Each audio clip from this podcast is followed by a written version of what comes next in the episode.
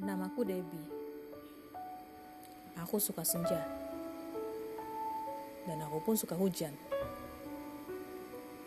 Bagiku, senja adalah waktu di mana semua keajaiban, keindahan langit tergambar jelas di depan mata kita. Indah banget. Dan hujan, hujan selalu membuatku tenang. Ia selalu menemaniku menangis bersama rintiknya. Dan kali ini, aku bakal bacain catatan receh aku yang baru banget aku buat kemarin, tanggal 20 Februari. Langsung aja kali ya. Berbahagialah. Izinkan aku kembali menuliskan tentangmu.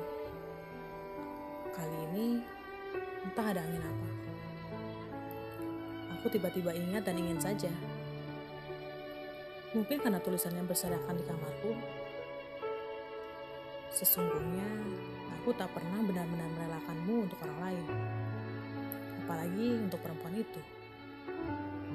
Meski ada suaranya berkata bahwa ia teramat mencintaimu, sungguh. Pastikan hanya aku yang dengan lapang bisa menerima segala sikap dingin dan cueknya itu. Namun, lagi, aku terpaksa. Aku terpaksa menyerah pada kenyataan dan inginnya semesta. Menjadi perempuan yang hadirannya tidak pernah diharapkan adalah hal yang paling memilukan yang pernah aku rasa. Apalagi, bagiku dikhianati sudah menjadi makanan. Dan hatiku sudah terlatih untuk tak lagi sakit perihal itu. Hanya saja, kali ini rasanya berbeda. Hati mana yang tak hancur lebur? Tak terkecuali hatiku. Dan menuju penghujung Februari ini, aku masih terus bertanya. Apa yang salah dariku hingga sepanjang perjalanan aku belum bertemu dengan lelaki yang tak menyakiti? Lalu semesta pun menjawab. Sebab aku mencari lelaki itu dalam hubungan yang tak diridoinya. Jadi sudah tentu, aku hanya menerima kekecewaan.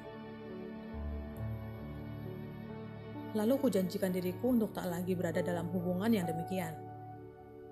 Aku muak, dan aku sadar, selama apa pun hubungan terjalin, entah jodoh ataupun tidak, waktuku tetap akan terbuang dengan hal yang harusnya bisa digunakan untuk hal-hal baik lainnya.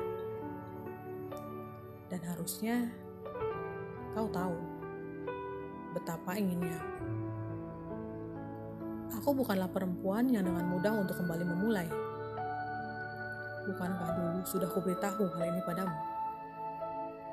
Lalu kenapa kau juga melakukan hal yang sama seperti yang terdahulu? Bahkan kau jauh lebih menyeramkan dari yang dulu pernah kuceritakan. Atau mungkin kau lupa pada cerita pahit masa laluku. Ah, apa pun itu, aku tetap tidak pernah bergerak barang seinci. Meski orang-orang bilang, lupakan dan carilah. Tetap saja hatiku beku pada satu nama. Oh iya, hari ini tanggal 22 di bulan Februari adalah hari di mana 25 tahun yang lalu seorang ibu melahirkan seorang anak yang kini telah beranjak dewasa menjadi seseorang yang gagah dan pemberani. Ya, hari ulang tahun. Dan di tahun keempat ini masih sama seperti tahun-tahun sebelumnya. Dan maaf, sekali lagi, aku masih belum bisa mengucapkannya langsung padamu. Aku hanya berani mengucapkannya melalui tulisan-tulisan yang tak pernah kau baca hingga saat ini. Ini mungkin bakal jadi surat keempat yang aku buat di hari ulang tahunmu. Dan yang belum kamu tahu sampai saat ini adalah kemarin aku sempat merencanakan satu hal untuk menyambut hari ini. Tapi ternyata beberapa hari sebelum tepat di hari ini, Tuhan rupanya telah memberikan kamu kado lebih indah daripada apa yang telah aku rencanakan. Selamat ulang tahun, cinta pertama. Kamu tahu? Di sini aku tak pernah berhenti untuk mendoakanmu. Semoga kamu selalu terjaga. Doaku masih sama seperti tahun-tahun sebelumnya. Semoga kamu semakin bersinar dengan caramu yang sederhana. Sehat selalu ya. Aku ingin kamu selalu menjaga kesehatanmu. Aku khawatir karena beberapa hari ini cuaca sedang tidak bersahabat. Berbahagialah di mana pun kamu berada dan dengan siapa pun kamu saat ini. Semoga perempuan itu adalah perempuan terbaik yang Tuhan berikan untuk menemani kamu dalam suka duka.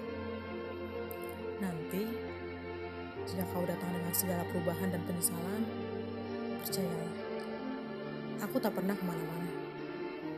Tapi mungkin hatiku sudah mati rasa untuk kembali mencintaimu.